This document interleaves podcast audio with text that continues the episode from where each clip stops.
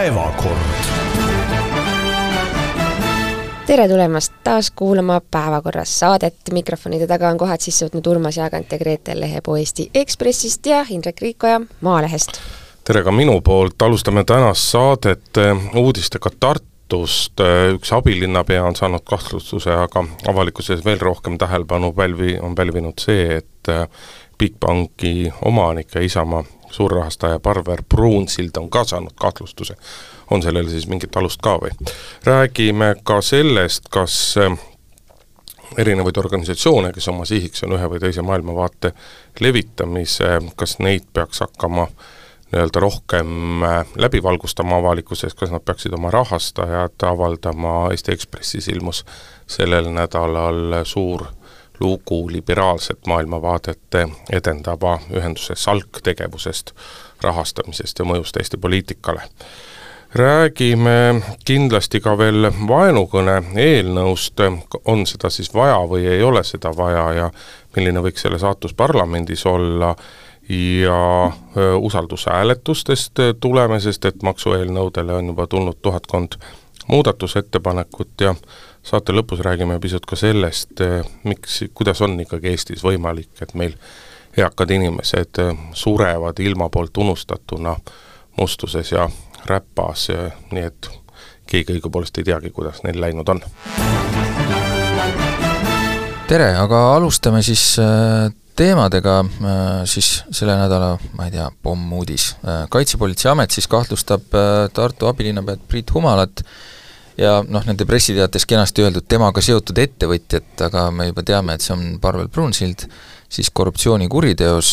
asja sisu puudutab siis äh, kinnistut Tartus Kuperjaanumi tänaval, äh, mis, mille ümber siis on olnud äh, noh, niisugune lükka-tõmba olukord, kus siis kas see läheb siis Tartu linnale või läheb see Sakala korporatsioonile. Ja nüüd seal siis on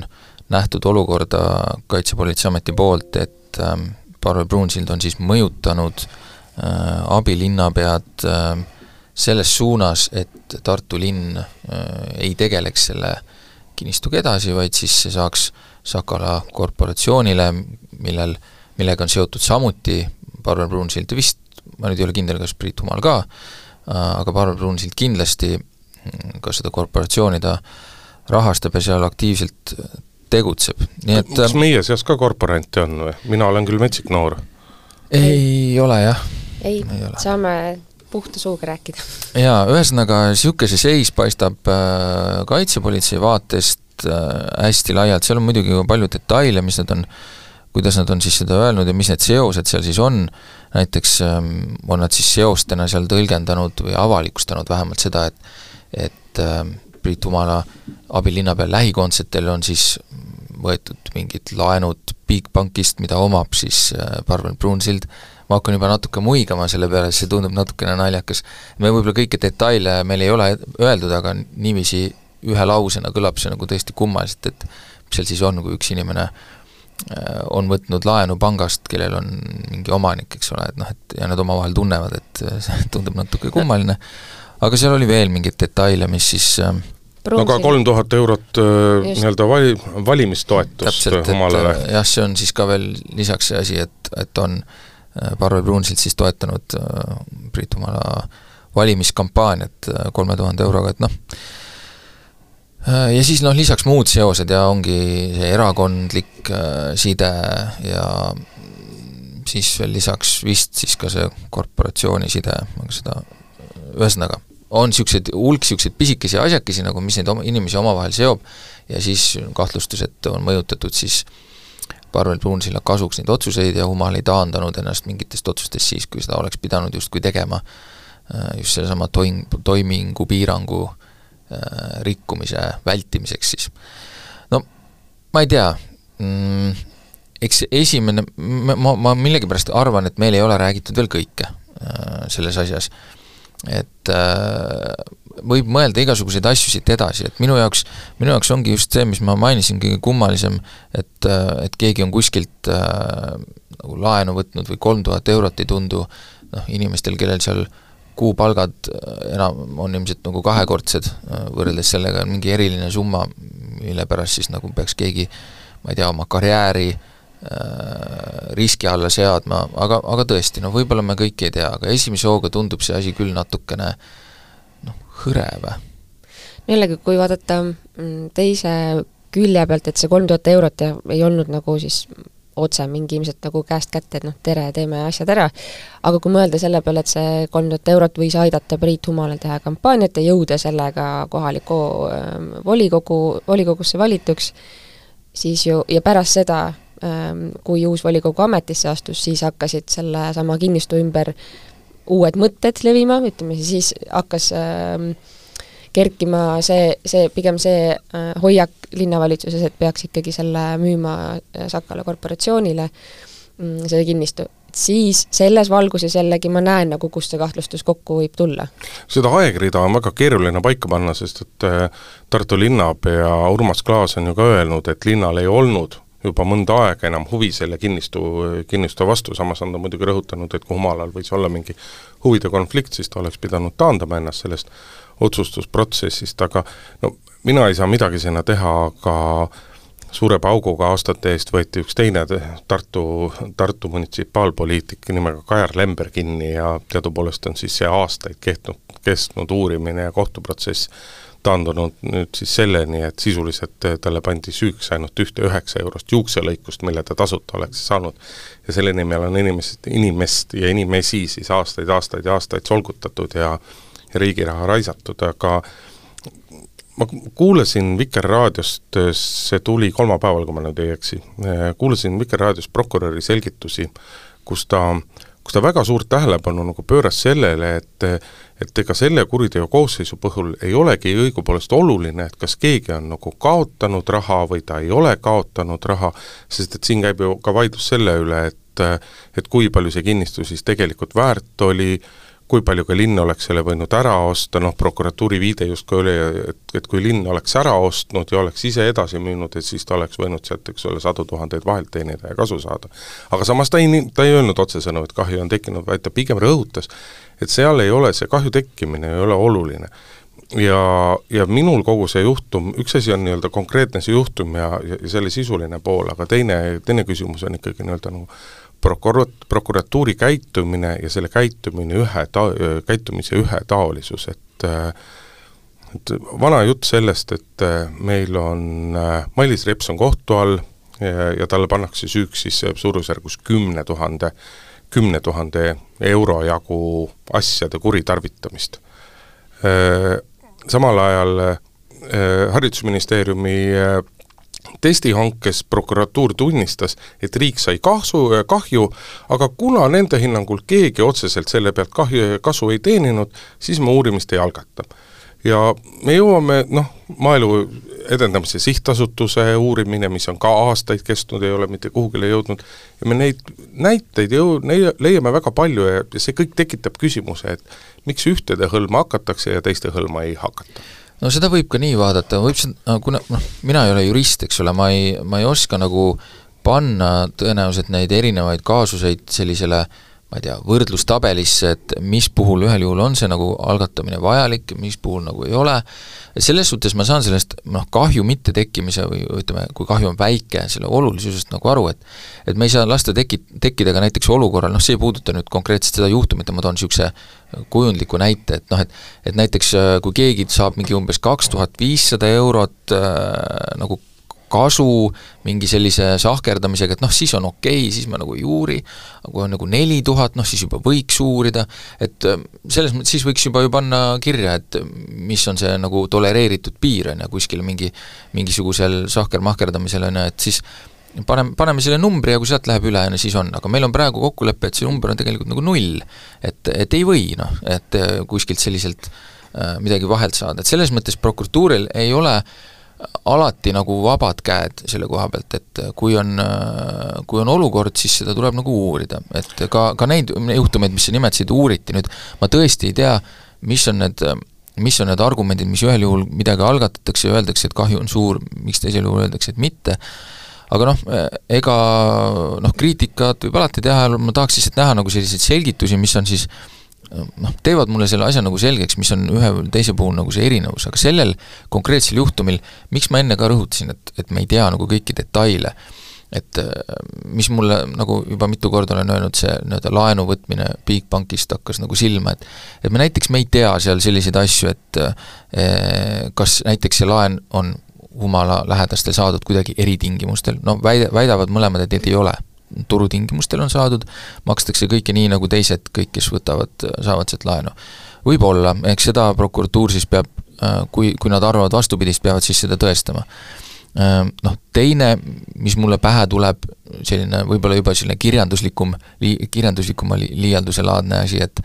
et oletame, et äh, noh, üks tegelane helistab teisele, et kuule, et see maja võiks ikkagi nagu Äh, liikuda nagu meie poole, et vaata,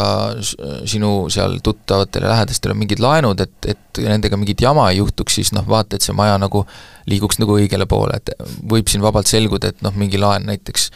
on, midagi on seal valesti ja siis peab hakkama kohe tagasi maksma, et sellist olukorda me ju ei taha, ega. noh, see kõlab nagu mingisugune see Äh, mingisugune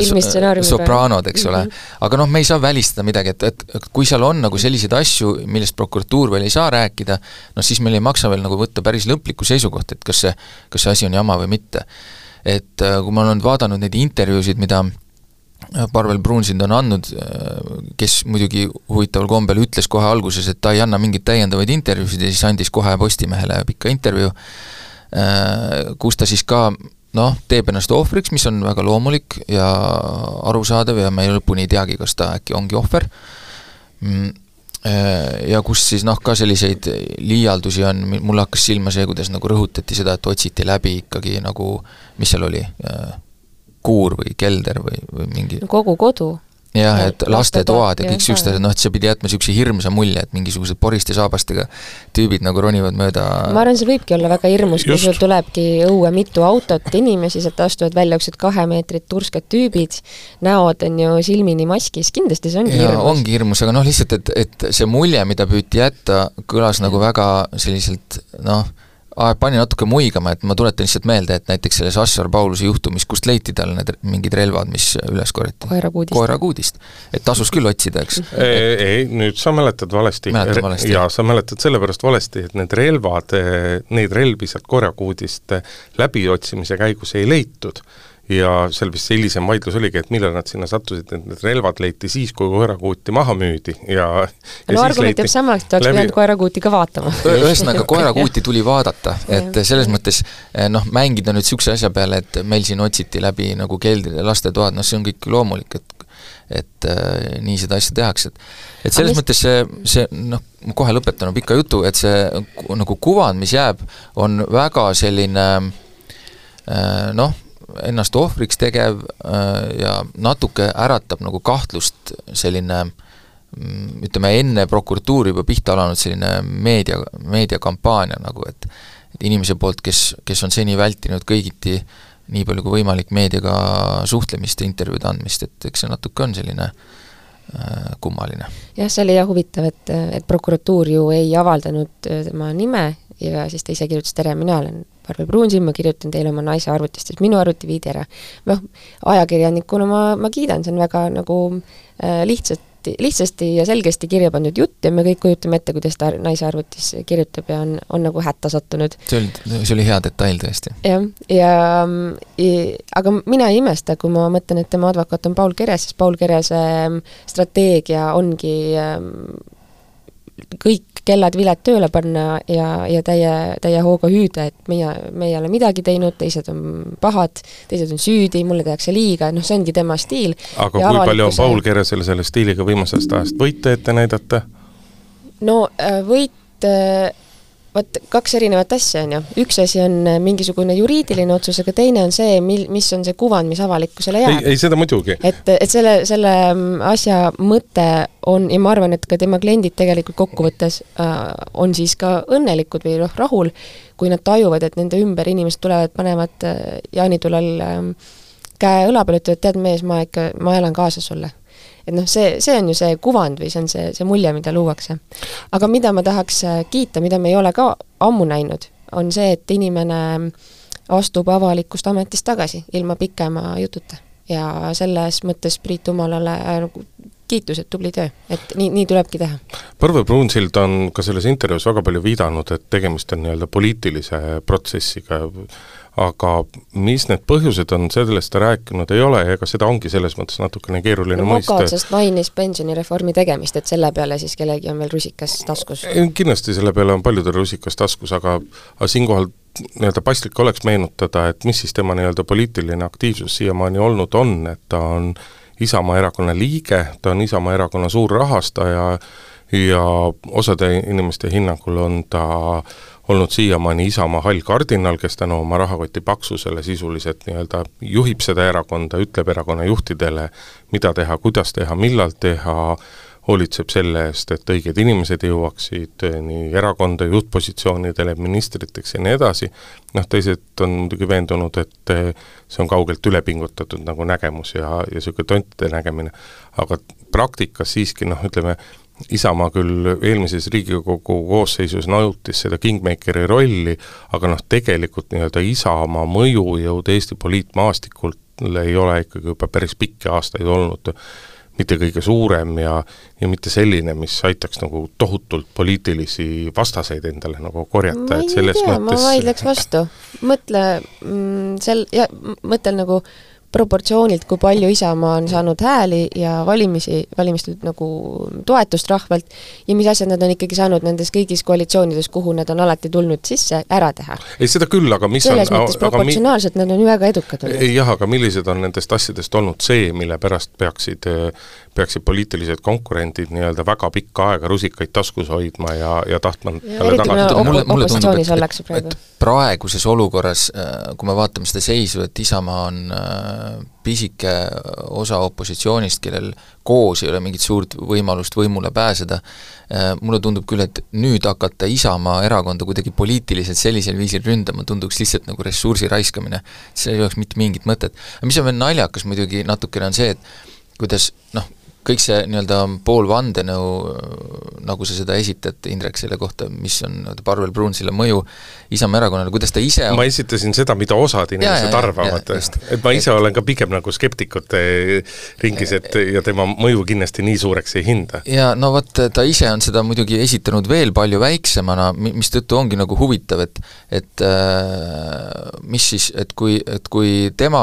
kuidas ta on nagu esitanud seda, et tema mõju, tema on lihtliige, kel lihtsalt ta nagu toetab erakonda ja maailmavaate, mis on kindlasti ilmselt õige, äh, ja siis nüüd järsku võetakse siis nagu tema ette selleks, et nagu Isamaad rünnata, et äh, ma siis, ma, mul tekib küsimus, no et kes siis, kes siis hindab valesti seda mõju? et väike suurushullustus, tahad sa öelda? Äh, noh, et, et kui tal nagu pole nii suurt mõju, siis äh, miks siis nagu teda peaks keegi niimoodi poliitiliselt ette võtma? aga noh, see on kõik on niisugune nagu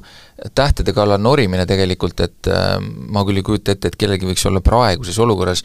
nagu mingit Isamaa vastu midagi nagu toimetada, et Isamaast äh, ma arvan, nüüd natukene aega paraku ei sõltu eriti midagi. mind teeb kõige murelikumaks ikkagi see, et just kui me vaatame prokuratuuri seniseid asju ja vaatame seda, mida Tartus on tehtud, siis äh, siis eh, ma, ma ei julge välistada seda, et eh, suure hooga võetakse midagi ette ja see lõpuks kõik kolinal kokku kukub. ja see, see on tegelikult kõige halvem, sellepärast et see õõnestab eh, prokuratuuri usaldusväärsust väga para-, tugevalt. ja paraku, mida me näeme, ma juba tean seda, aiman seda ette üsna suure tõenäosusega, et me ei näe vaidlust selle asja sisu üle, vaid nagu suurtes juhtumites ikka, hakkab vaidlus protseduuri üle. ja juba on see alanud, kes lubas kellele advokaadile millal helistada, kas kuulati seda kõrvalt pealt või lubati omavahel rääkida ja nii edasi, see protseduurivaidlus on juba alanud ja kui see asi kunagi peaks kohtusse jõudma, siis äh, seal vaieldakse aastaid selliste asjade üle äh, ja me ei saa me ei saa kuigi palju targemaks selle üle, kas keegi siis tegi midagi või ei teinud. ja see on väga halb, et prokuratuur laseb, käitub nii, et ta üldse laseb sellistel, annab võimaluse selliste vaidluste tekkimiseks, et, et nii palju peaks olema õpitud sellest kõigest. aga võtame teise teema äh, meie maja asjadele selles mõttes lähemale, et meil ilmus äh, Eesti Ekspressis suur lugu sellest, mismoodi siis äh, liberaalne kodanikuühendus SALK on toimetanud mitu aastat selle nimel, et liberaalsed jõud võidaksid nüüd olnud valimised, moodustaksid koalitsiooni ja nii ka läks, noh, iseküsimus on, palju neil selles mõju oli, aga see, mida tehti ja kuidas see organisatsioon toimetas, seal artiklis on väga pikalt kirjeldatud ja see on ausalt öeldes ikkagi muljetavaldav. ja me selles loos nagu rohkem peatuma võib-olla ei hakkakski, aga järgnevad reaktsioonid on olnud juba nagu päris huvitavad, ETV Esimeses stuudios oli Helir-Valdor Seeder, jälle Isamaa juures oleme, äh, kes siis äh, leidis äh, seda lugu kommenteerides, et kuigi seal on tema arvates nagu palju ilukirjandust, peaks siiski kaaluma, kas parlament peaks hakkama reguleerima selliseid ühendusi, mis siis nagu toimetavad ja mingitele erakondadele võib-olla kasulikud on. mis muidugi ajas paljud inimesed naerma muigama vähemalt, sellepärast et äh, erakondade rahastamise järelevalve komisjon on soovinud juba aastaid seda võimalust, et nad saaksid erakondade sidusorganisatsioonidesse sisse vaadata vajadusel, äh, küsida dokumente nende kohta. Ja oli minu arust äh, justiitsminister Lea Danilson-Järg, kes siis ütles, et praegu on nii palju muid asju, et sellega ei peaks tegelema ja hiljem muutus see retoorika minu mälu järgi selliseks, et et äh, tähendab, kindlasti peab nagu tegema, aga siis peaks tegema juba põhjalikumalt ja teistmoodi ja hulga analüüsima ja nüüd tormata siin selle asjaga nagu ei maksa, et tuleks ikka teha korralikult. mis tõlkes, poliitilise keele tõlkes tähendab, et see asi kolib riiulisse ja sureb sinna. et selles mõttes me oleme huvitavas olukorras, et nüüd on Isamaa järsku avastanud, et ole, et võiks ikkagi reguleerida no eks me võime aimata, kus see nagu tunne tekib ja miks seda varem ei olnud, sest ka Isamaal on tegelikult ju selliseid organisatsioone, mis nende nii-öelda, kuidas ma ütlen, mitte egiidi all, aga nende külge nagu seotuna mingeid maailmavaateid või mingeid nurki sellest maailmavaatest edendavad ja, ja siis ähm, noh, ka kulutavad selle jaoks kas siis erakonna raha või muud raha, eraannetajate raha, et ähm, selles mõttes äh, huvitav olukord, et mulle tundub, et mingeid erakondi on tabanud kuidagi üllatusena, et ohoh, et äh, keegi kuskil, mitte ainult meie, vaid ka keegi teine kuskil äh, toimetab äh, mingite poliitiliste jõudude edu nimel. no see mõte on ju iseenesest väga õige ja hea, aga teostamine on muidugi niisugune tõeline peenhäälestus, et kui me nüüd võtame selle maastiku, palju meil on neid organisatsioone, kes siis avalikult tunnistavad, et jah, nende asi on äh, nende ülesanne on mingisuguse maailmavaate levitamine, et seesama SALK ehk siis Sihtasutus Liberaalne Kodanik ja tegelikult teine selline on siis Sihtasutus Perekonna ja Traditsiooni või traditsioonide kaitseks ehk tuntud ka kui Varro Vooglaiu sihtasutus. et nemad kaks ju on sellist, kes seda väga avalikult teevad, et tegelikult me praktikas leiame neid palju rohkem, on see siis Ühiskonnauuringute Instituut, on need erinevad mingisugused sihtasutused, mida on erakondade juurde loonud, loodud, aga et kust kohast nii-öelda nagu tõmmata see tõmmata see piir, et sa ei saa seda siduda ju näiteks äh, erakondade rahastamisega, sellepärast et erakonda saavad rahastada füüsilised isikud, äh, ka Salk vahendas annetusi ja, ja ütles, kuidas nii-öelda annetusi võiks jaotada, aga mitte otseselt ise ei maksnud neid ja ja sealt leiab äh, noh, et kustkohast leida see määratlus, et kes see on, eh, keda peaks rahastama, aga selge on see, et see on muidugi õige jutt, et seda peab nagu, et seda, seda peab tegema, need asjad peavad olema paigas, sellepärast et äh, see on lihtsalt nii-öelda demokraatliku läbipaistvuse huvides jah, minu arvates ka, et ja ei ole ka Salga inimesed ju varjanud või kuidagi tagasi ajanud seda, vastupidi, nemad on ka öelnud, et et muidugi peaks seda nagu reguleerima ja mujal maailmas on see tegelikult üsna üsna levinud, et erakondade juures on sellised nii-öelda maailmavaatelised pika plaani organisatsioonid siis, kes siis nagu see oli küll ilusasti öeldud. oli, eks. ja ka meil oli, kui keegi mäletab, oli niisugune periood aastal kaks tuhat üksteist, kui prooviti äh, Äh, Reformierakonna vedamisel Eestis luua niisuguseid asju nagu maailmavaate sihtasutused või demokraatia arendamise sihtasutuseks TASAD, võib-olla see kõnetab, see lühend kedagi kõnetab, et et, äh, et siis luua erakondadele ka kõrvale sellised maailmavaate organisatsioonid, selle erinevusega muidugi, et äh, see, sealne mõte oli, et need oleks siis nagu ka riigi poolt rahastatud nagu erakonnad, mitte nagu SALK, mis on puhtalt näiteks erarahastuse peal, inimesed annetavad,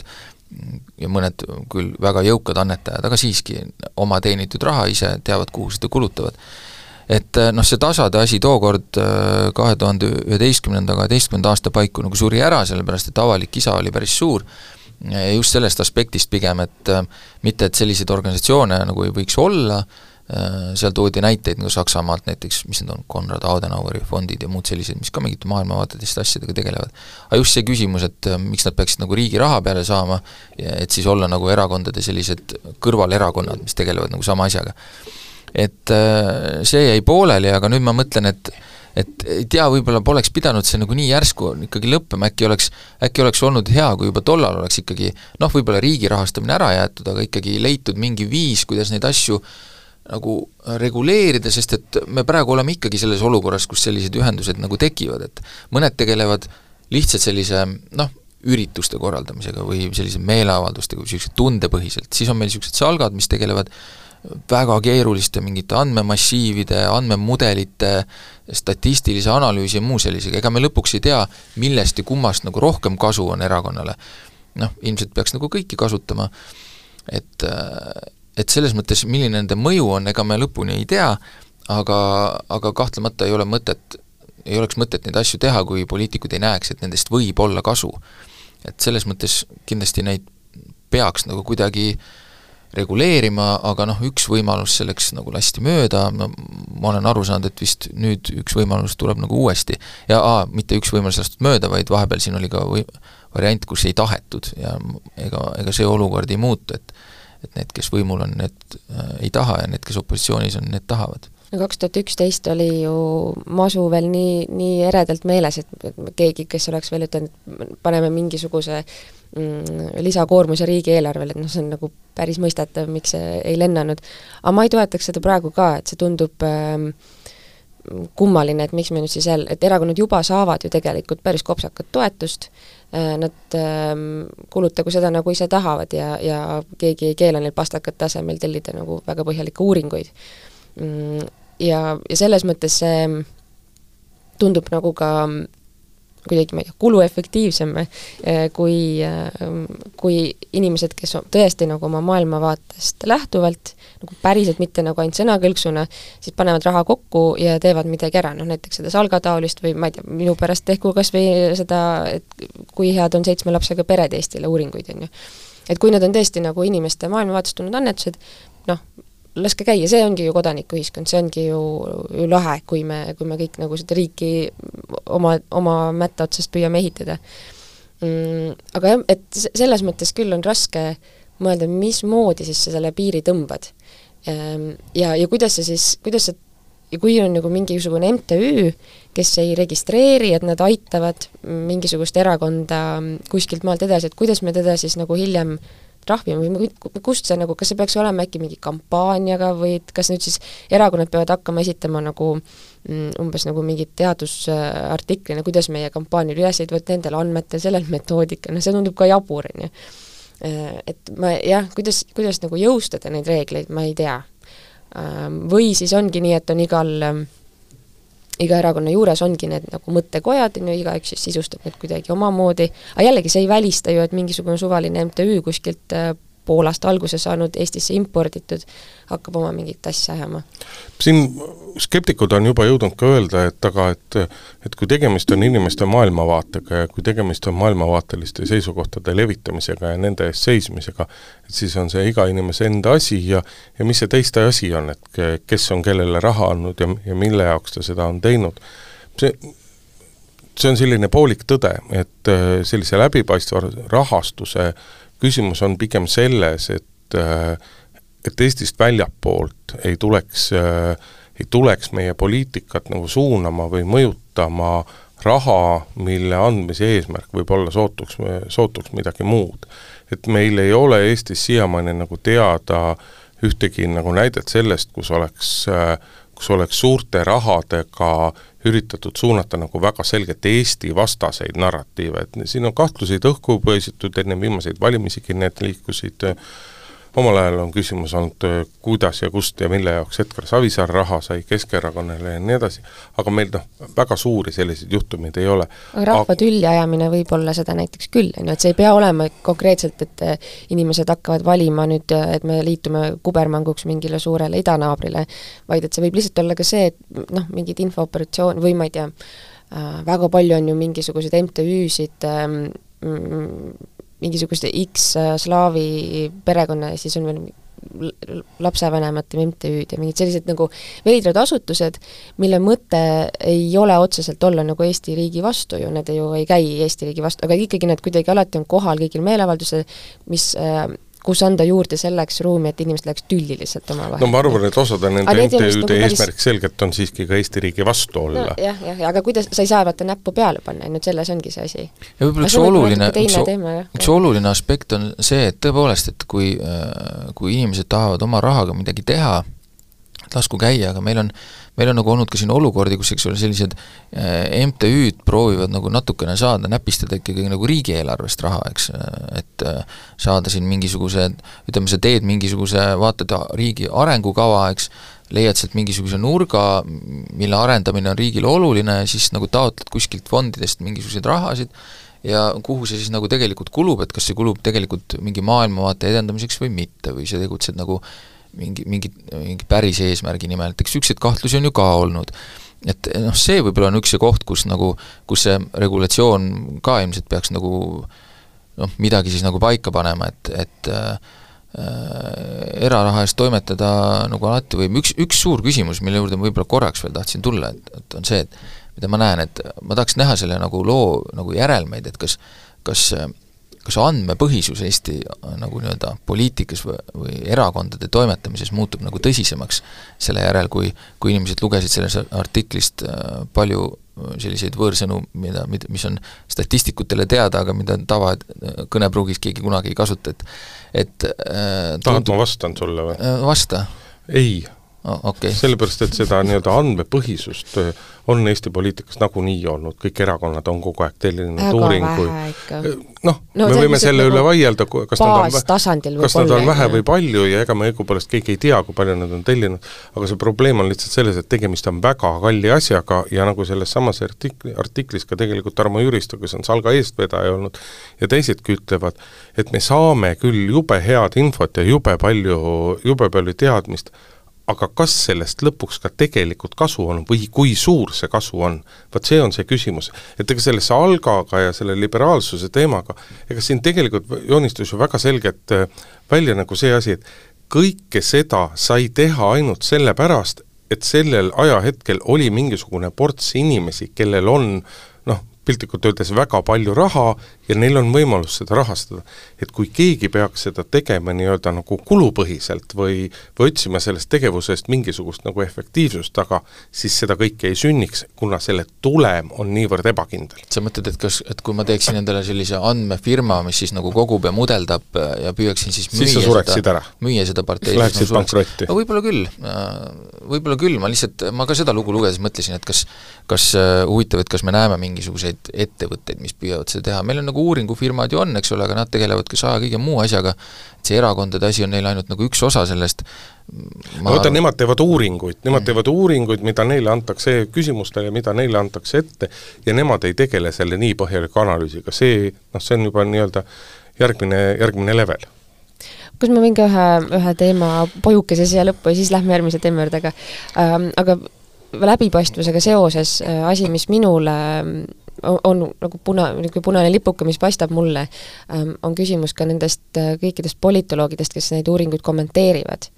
Ähm, et praegu sõna politoloog me, mina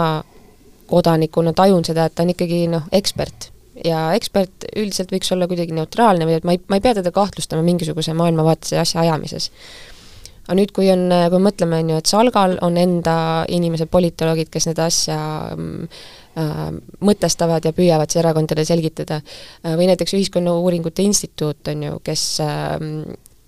kelle, kelle juhti äh, üks politoloogidest, Martin Mölder, sealsamas artiklis ütleb välja, et aga jah, meie eesmärk nagu ongi hoopiski pidurdada lihtsalt kõiki protsesse ja me teeme seda oma uuringutega ja me kuidagi nagu äh, näitame mingeid andmeid ja siis kõik nagu võtavad sammu tagasi, et ohoo, vaatame nüüd neid andmeid, tegelikult neil on ükskõik, mida need andmed võib-olla näitavad, sest nende jaoks on oluline, et me kõik astuks selle sammu tagasi.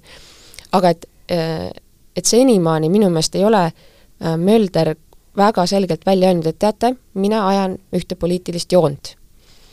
ja ma tahaks, et ta teeks seda. ega Tõnis pide... Leht ka ei ole öelnud just, just, just, just, et Tõnis Lehele kehtib, kehtib see täpselt samamoodi, et ähm, äh, ja vahet ei ole, kes see siis nüüd on mm, nimeliselt, aga et ähm, et ma tahaks, et see, et eksperdid tuleks ka kapist välja, kui nad nüüd ütleksid selgelt, on ju, kui nad kommenteerivad asja lähtuvalt mingisugusest maailmavaatest. ja mina tahaksin veel, et tekiks juurde mõni organisatsioon, kes, kes üritaks nii-öelda üritaks ka mõ-, mõt-, lahti mõtestada, miks see nii on, sest et noh, nagu sellest Salga loost ka välja tuleb, et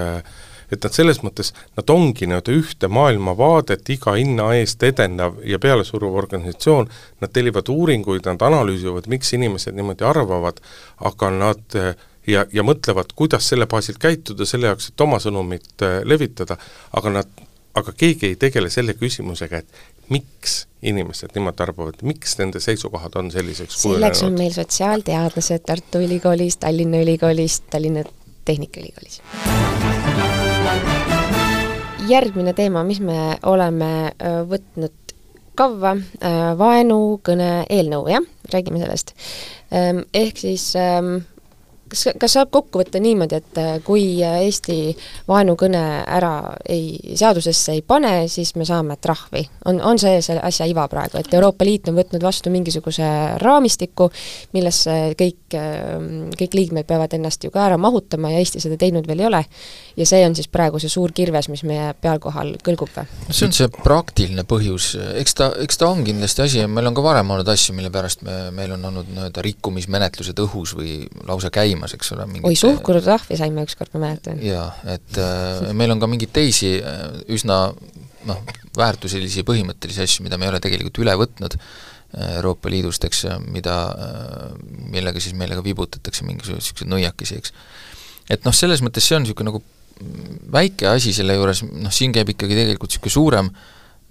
noh, väärtuseline vaidlus mulle tundub selle, selle asja koha pealt, et nagu põhiküsimus on ikkagi see, et kas meil on seda nagu vaja, et et ja see on küll üks asi, kus äh, ma tunnen, et äh, sellest ekspertsusest jääb ikkagi nagu puudu, et loed nagu ühtesid inimesi, keda ma nagu austan, keda ma loen,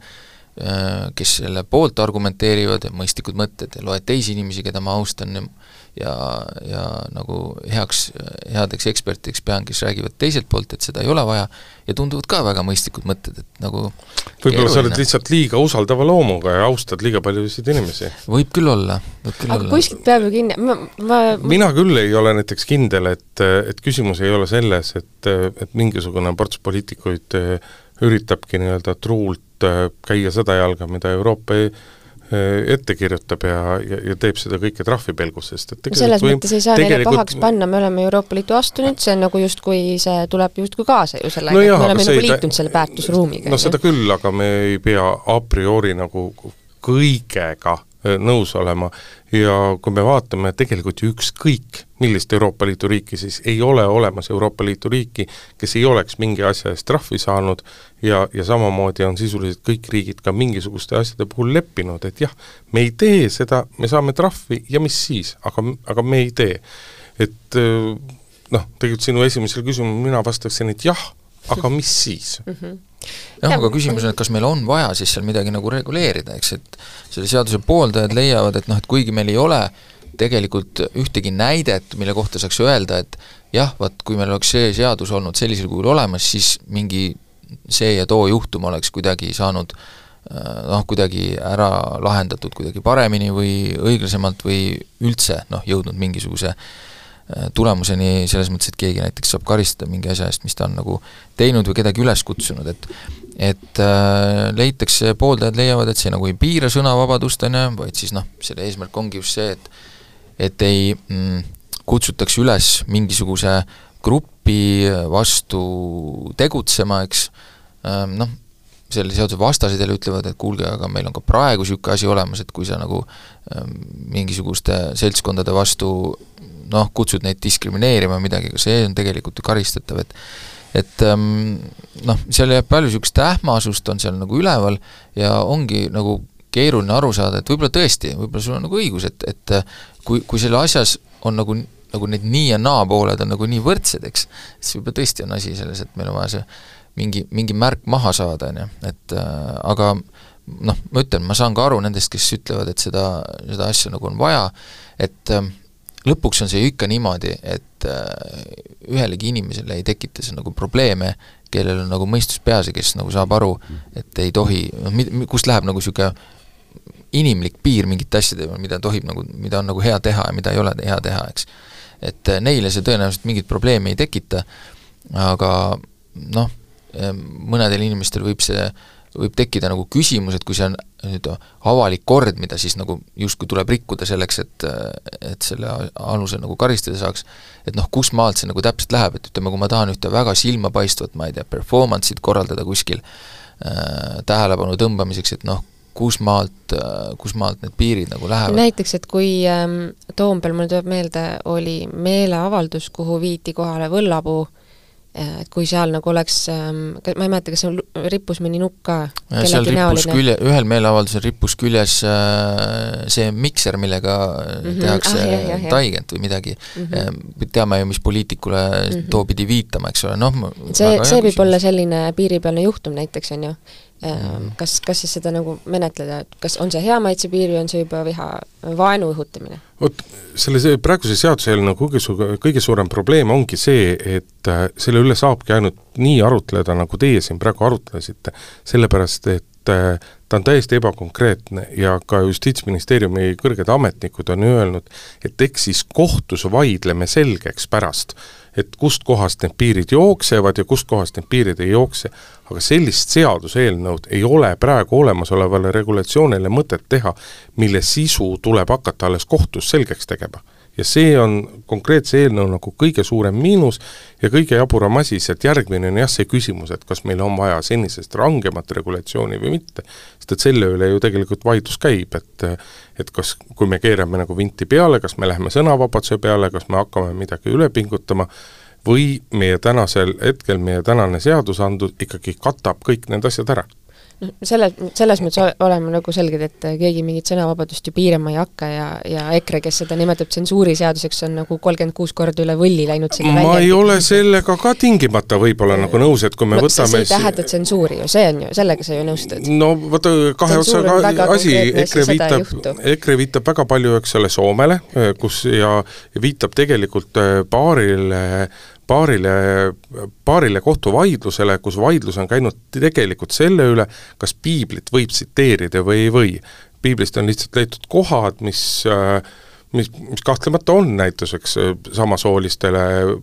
abielupaaridele, abielupaaride suhtes solvavad, aga tegemist on pühakirja tekstiga, kas seda võib tsiteerida või ei või, ja see on puhas sõnavabaduse vaidlus, mitte midagi muud. kontekstist lähtuma, et, et selles mõttes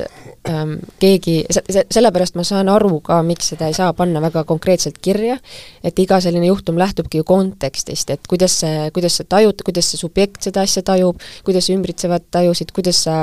kas sa ütlesid seda sõna kala äh, midagi, või seda lauset või mingit sõna või väljendit kalanäoga või sa tegelikult nagu muigasid seal juures ja see kontekst hoopis no, nagu no, vot siin ongi, aga meil on seadus ei saa tegelikult seda reguleerida. ei noh, vaata, vaata midagi ikkagi saab reguleerida ja, ja siit tuleb see järgmine küsimus, et meie seadused praegusel hetkel juba reguleerivad seda ja noh, Reformierakond on, eks ole, üks eestvedaja, Reformierakonnas tegelikult jätkuvalt ikkagi üksjagu mõjukas inimene, Rein Lang näiteks, kogu aeg viitab, et see kõik on meil juba olemas seadusse, seadustes, eks ole. milles siis mida, probleem on? mida, no millega no, võt, siis Brüssel rahul ei ole no vot, siin see tekibki, et vaata, mingisugustel hetkedel osad poliitikud põhjusel või teisel püüavad olla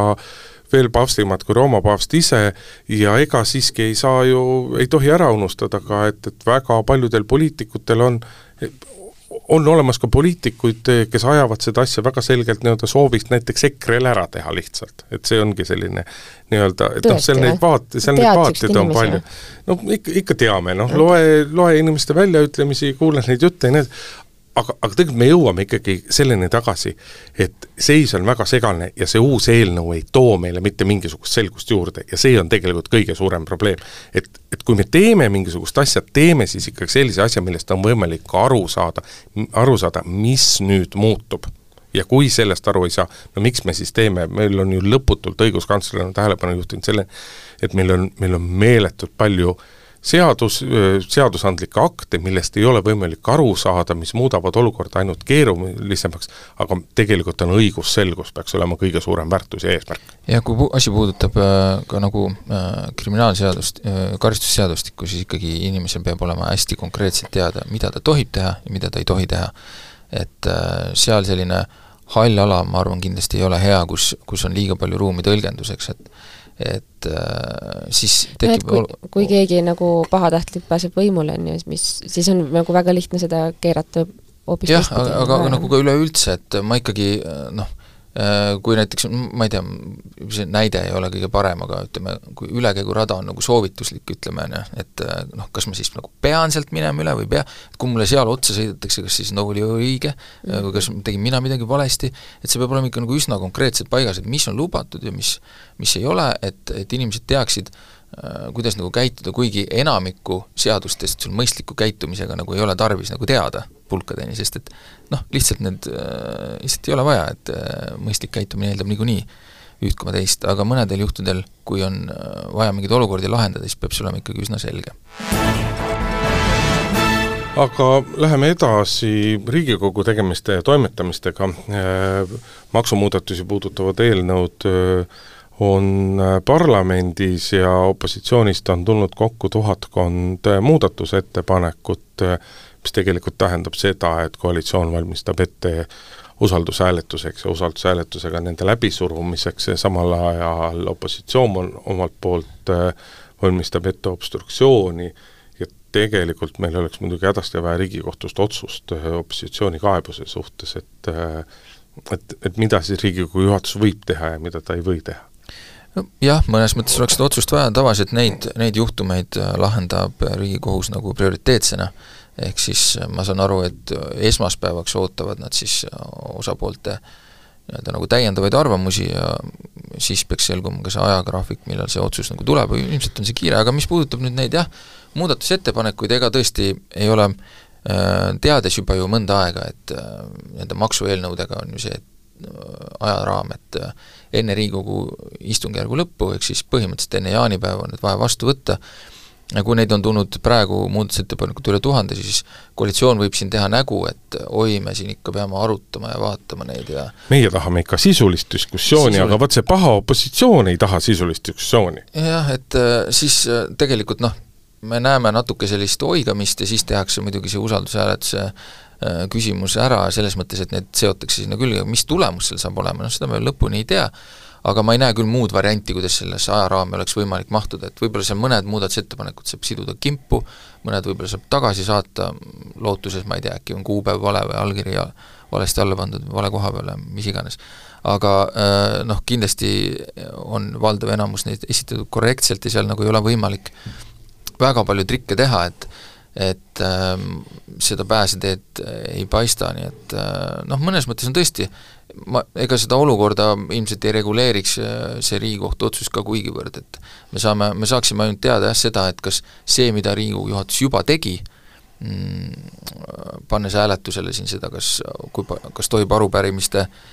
pannes hääletus, hääletusele selle, et arupärimisi nüüd enam rohkem vastu ei võta praegu, et kas selline asi mitte ainult arupärimisi? ja ka eelnõusid ja ei luba esitada protseduurilisi küsimusi, et et see küsimus saab lahenduse, on ju, aga aga usaldushääletusega sidumine, see võimalus on, seda võimalust ei ole keegi kahtluse alla seadnud, et see võimalus on valitsusel olemas, nüüd küsimus on selles, et ju oposit-, selle Riigikohtu otsusega Riigikohtult õigemini opositsioon tahab ju nii-öelda aja, ajarännet, eks ole, tagasi natuke rännata sinna viieteistkümnendasse, vist oli see mai, jah, kust siis need juhatuse otsused tulid, et hakkaks sealt nagu uuesti otsast pihta äh, selle menetlusega, õigemini läheks sealt nagu edasi, et seda, mis nüüd vahepeal kõik on toimunud, et seda pole toimunud. et ma küll ei kujuta ette, kuidas Riigikogus seda, seda, sellise otsuse saaks teha, aega tagasi keerata, aga no mine tea. Mine tea, samas on ikkagi koalitsioonist kostuvad juba esimesed hääled ka selle kohta, et kuna teada on, et opositsioon valmistab obstruktsiooni ette, keegi päris täpselt ei tea, mida on välja mõeldud, keegi ei tea ka seda, mida Riigikohtust tulemas on, et on esimesed hääled ka koalitsioonist, kes ütlevad, et me siiski peaksime nagu mingisuguse kompromissi tegema opositsiooniga, et, et me peaksime nagu kuskilt mingisugused, mingites asjades tagasi tõmbama, et me ikkagi kindla peale saaksime läbi nendega minna, see põhjus tuleneb siis sellest, et äh, maksumuudatused peaksid olema teada vähemalt pool aastat ennem nende kehtima hakkamist. kuigi see ei ole seadus, see on lihtsalt hea tava kokkulepe? see on hea tava kokkulepe, aga noh, ütleme sellest ikkagi praegusel hetkel kõrvale hiilida on keeruline ja kuni jaanipäevani käivad parlamendi korralised istungid, sealt edasi saab erakorralisi istungeid korraldada, aga noh, erakorralised istungid on tegelikult väga ebamugavad nii koalitsioonile kui opositsioonile endale, et keegi neid, keegi neid teha ei taha, et et ega noh, me ei saa siiski välistada võimalust, et, et tuleb ka mingisugune kompromissi koht, kuskilt antakse midagi tagasi, et saavad öelda nii üks kui teine pool, et nemad on võitnud ja nemad on ikkagi paindlikud ja nemad hoolivad demokraatlikest väärtustest Eesti Vabariigis ma mõtlen, kas, kas kuidagi sellest punnseisust aitaks välja tulla see, kui lastaks lahti nagu sellest fix ideest, et, et esimesest jaanuarist. jaa, see on variant A, aga variant B võiks olla näiteks, et et lükatakse edasi neid kuupäevi, et, et meil ei pea ju aasta või ütleme, need muudatused punkti esimesest jaanuarist hakkama, on ju, et, et kui koalitsioon ütles, et okei okay,, ma ei tea, lükkame kuu-paar, kolm-neli edasi, aga ega see vist ei muudaks ei. midagi, selles mõttes, et see sisuliselt nagu meil on parlamendi matemaatika on teada ja ja võimalus no see annaks ju selleks diskussiooniks meile aega. nojah, teoreetiline, on teoreetiline võimalus, et äh, ilma Reformierakonnata saaks koalitsiooni teha, aga selle jaoks peaksid EKRE, Eesti kakssada ja sotsid omavahel ära leppima, aga noh, ma ei tea, selle jaoks peab ikkagi hakkama päike teistpidi käima ja jääd teistpidi voolama, et selline asi juhtuda võiks. kuulge, aga kas Keskerakond on, ähm, on mingit lootust hellitamas või on, on neil südametunnistus koju tulnud või, või, või mingi niisugune riigimehelikkuse puhang, et et Keskerakond jättis võimaluse kasutamata esitada ka tuhat muudatusettepanekut? Aga miks sa peaksid selle nimel, kõige nimel vaeva nägema ja end mm. noh, ega obstruktsioon on alati kahe otsaga asi, sa, sa ühest küljest sa nii-öelda nagu näitad, et sa seisad oma valijate eest, aga kustkohast jookseb see piir, kus kus asjalikust pidurdamisest saab põhimõtteline juntimine, mis inim-, või jantimine, mis inimesed välja vihastab, et ega seda piiri keegi ei tea päris täpselt, et pigem see on selline nii-öelda ja, ja mulle tundub jah, siia juurde veel ka, et Äh, ütleme, kui pärast valimisi Isamaa ja Keskerakond mõlemad tea-, andsid nagu mõista, et neid, neid, neid nagu huvitab selline nii-öelda EKRE-st äh, eemaldumine, siis mulle tundub, et Keskerakond võtab seda vähe tõsisemalt kui Isamaa, et Isamaal võib-olla olukord lihtsalt mängib ka praegu nagu nende kahjuks, et et need teemad, äh, mis on üleval, nendes lihtsalt kattuvadki nende vaated nagu EKRE vaadetega ka rohkem, et sa ei saagi noh, kuidas sa seal siis nagu eristud, kui sa päriseltki arvadki, et need maksuasjad on nagu halvad ja see Äh, abielu, perekonnaseaduse muutmine on nagu halb, eks. et äh, selles mõttes on neil jälle halb seis, aga Keskerakonnal on võimalus jah, eristuda ja mulle tundub, et, et see on see eesmärk ka veidi, et proovida tõesti olla nagu konstruktiivsem äh, ka opositsiooni nagu partner siis, et ähm, kuigi ka mõningaid asju, mida on tehtud või kuidas on esitatud, on olnud ikka sellised noh, selline eksitamine, avalikkuse eksitamine kohati, aga aga jah, tõenäoliselt nad otsivad äh, tõsisemalt sellist ähm, noh, äh, eristumise teed, et, et, äh, et olla ikkagi nagu koostöövõimeline. või siis nad käituvad oma nime väärist, nad peavadki seal keskel ju olema ja vahendama. ja peavadki, see on neil väga raske. aga saate lõpetuseks räägime pisut ka eakatest inimestest, siin on ikka aeg-ajalt tuleb lugusid sellest, kuidas kuskil on leitud mingi suure äh, suur loomakoloonia, kes siis elab mingisuguses äh, prügimeres ja, ja jagab seda loomakolooniat, peab mõni, mõni üksik eakas inimene, eilne Maaleht kirjutas ka pikalt ühest näitest äh,, kus viiskümmend aastat äh, raamatukogu hoidjana töötanud naine, tark haritud inimene justkui oma elu lõpus muutus üksikuks, elas prügi sees mädanevate kassilaipade keskel ja nii edasi, ja kõik justkui nagu teadsid, et seal midagi lahti on, lähedasi sugulasi tal ei olnud, aga ega keegi midagi ei tea, teadnud. Ja ja see paratamatult tekitab äh, küsimuse, et kuidas see saab küll Eestis niimoodi olla, et inimese, inimeste elu lõpp saab mööduda nii ebaväärikates tingimustes. on see asi, on see küsimus kohalikele omavalitsustele, on see küsimus kogukonnale, on see küsimus riigile? noh, ma arvan, siin on üks küsimus on,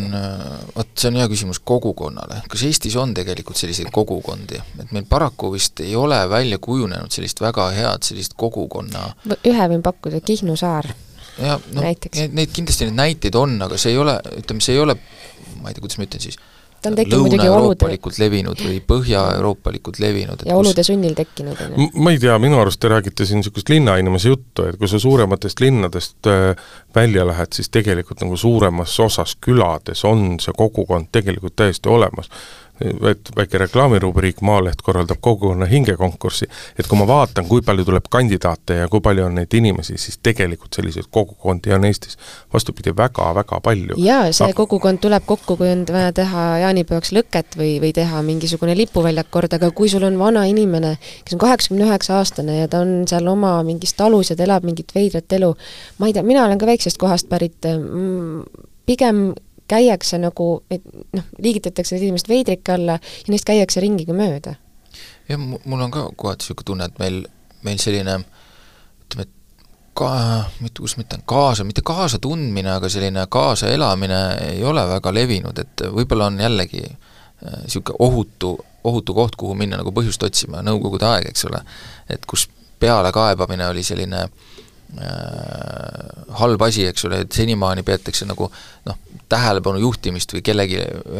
peale näitamist, no näe, see tegi nii, et oo, sellega peab midagi tegema. et nagu teiste ellu sekkumiseks või millekski selliseks, kuhu nagu ei ei tasuks nagu trügida. vot siin sa jõuadki tegelikult selle asjani, et küsimus ei ole mitte selles, et kas meil kogukonnad on või ei ole, sest et minu hinnangul need kogukonnad on olemas, aga küsimus on jah, selles nii-öelda suhtumises, et inimesed justkui nagu teavad, aga põhjustel või teistel on see siis tunne, et teiste ellu ei taha trügida või ega sellest ei tule minule mingit kohustust või midagi muud, sellest ei anta teada. tegelema selle teemaga, on ju, see jääb sinu kaela, kaela on ju kanda, et jah, ei võeta. et noh, tegelikult üks, mis on selge, arvestades, et me oleme oleme ikkagi nagu väga kiirelt äh, kasva eakate, eakate osakaaluga. osakaaluga, kasvava osakaaluga riik, siis üks asi, et meil nii-öelda omavalitsuste ja riigi tasandil tuleb äh, sotsiaalteenustesse, sotsiaaltöösse suurt, äh, palju rohkem tähelepanu suunata, sest et noh, tihtipeale ühel vallal, kus elab tuhandeid inimesi ja sadu pensionäre, on seal üks sotsiaaltöötaja, kes tegeleb nii, nii, nii, nii laste, nii laste, joodikute, eakate kui, kui kelle kõigega, et ilmselgelt ta ei jõuagi mitte kuhugile ja, ja tal, tal puudubki ülevaade sellest, et meie meie politseivõrk, konstaablite võrk on ka selline, et ta, ta, ta katab suhteliselt hõredalt et, et igale sellistesse kohtadesse tuleb raha täiendavalt juurde suunata ja teisest küljest peaks ikkagi riik tegelema ka sellega, et et inimese nii-öelda eraeluline puutumatus ja omandipühadus ja kõik need on väga toredad asjad, aga mingisugustel hetkedel ikkagi peavad olema erinevatel organitel nagu suuremad hoovad, et tegeleda inimesega, et kui me näeme ilmselgelt, et inimene, eakas inimene elab äh, tingimustes, mis on talle kahjulikud ja talle võib-olla isegi ohtlikud, siis täna on, on võimalusi sellesse sekkumisse üksjagu kasinalt ja kurb on jah, see kõik, et ma jäin, ma jäin ka mõtlema selle peale, et kas, ähm, kus, kus lõpeb see piir, et ma tahan olla üksi, eraklik. ja kes siis hindab seda, kui ma, kui minu soov mind ennast nüüd kahjustab, jah. sest jube raske on neid meediakajastusi vaadata, et mulle tihtipeale nagu tekib see tunne, et et jälle, ja siin peab ka meedia endale nagu otsa vaatama, et me jälle kuuleme, kuidas nagu loomakaitsjad on, on käinud päästmas äh, kassikolooniaid, kes elavad mustuses ja, ja kassikaka sees ja neil ei ole süüa ja ja käib tohutu ahastamine loomade pärast, mis on täiesti õige, mul on ka loomad, ma olen ka suur loomasõber, aga see, et selle keskel on ka inimene, kes mingitel põhjustel on nagu sattunud sellisesse olukorda, et see nagu on täiesti teisejärguline küsimus, et meedia räägib sellest, miks kassidel on halb olla, aga ta ei räägi sellest, miks eakal on halb olla, et see on niisugune suhtumise küsimus. ja nende kasside eest lihtsalt hüüab ja ahastab üks, üks ühing, mida teevad vabatahtlikud, see ei ole riiklik kasutus, on ju. aga inimeste eest seda ei ole e. e inimestega on meil ka see mure, et meie, meie ühiskonnas on väga palju sellist äh, äh, nagu arusaama, et äh, inimene peab ikkagi enda asjadega ise hakkama saama et, et kui on, noh aga miks ta ei tulnud siis küsima, kui abi oli vaja, et noh, kui ei saa oma asjadega hakkama, siis tule küsi abi, et, et meil on üsna palju ka sellist, sellist noh, arusaama, võib-olla see on selline meie ühiskonna praegune nagu etapp, kus me oleme. et aga ja selles mõttes on see õige tähelepanu juhtimine, et seesama kehtib näiteks ka lähisuhtevägivalla või pere, perevägivalla puhul. Äh, et on ju, on ju ka poliitilisi jõude, kes ütlevad, et aga iga pere peab ise nagu oma ära klaarima, et mis meie siin nagu teeme, on ju. et, ähm, et seda võib, sama, need, need on põhimõtteliselt ju samad asjad, et mingist hetkest äh, on see see õnnetu inimene kogu ühiskonna asi, mitte ainult selle perekonna asi nii et avatud meelega peaksid tegelikult kõik inimesed, kõik osapooled ja, ja ka ametnikud olema, aga tõmbame selle mõtte juures tänase saate otsad kokku, Urmas Jaagant, Grete Lehepuu Eesti Ekspressist ja Hindrek Riikoja Maalehest olid stuudios ja järgmisel reedel tuleb meil jälle uus saade, siis on uued teemad ka, kena päeva! aitäh! päevakord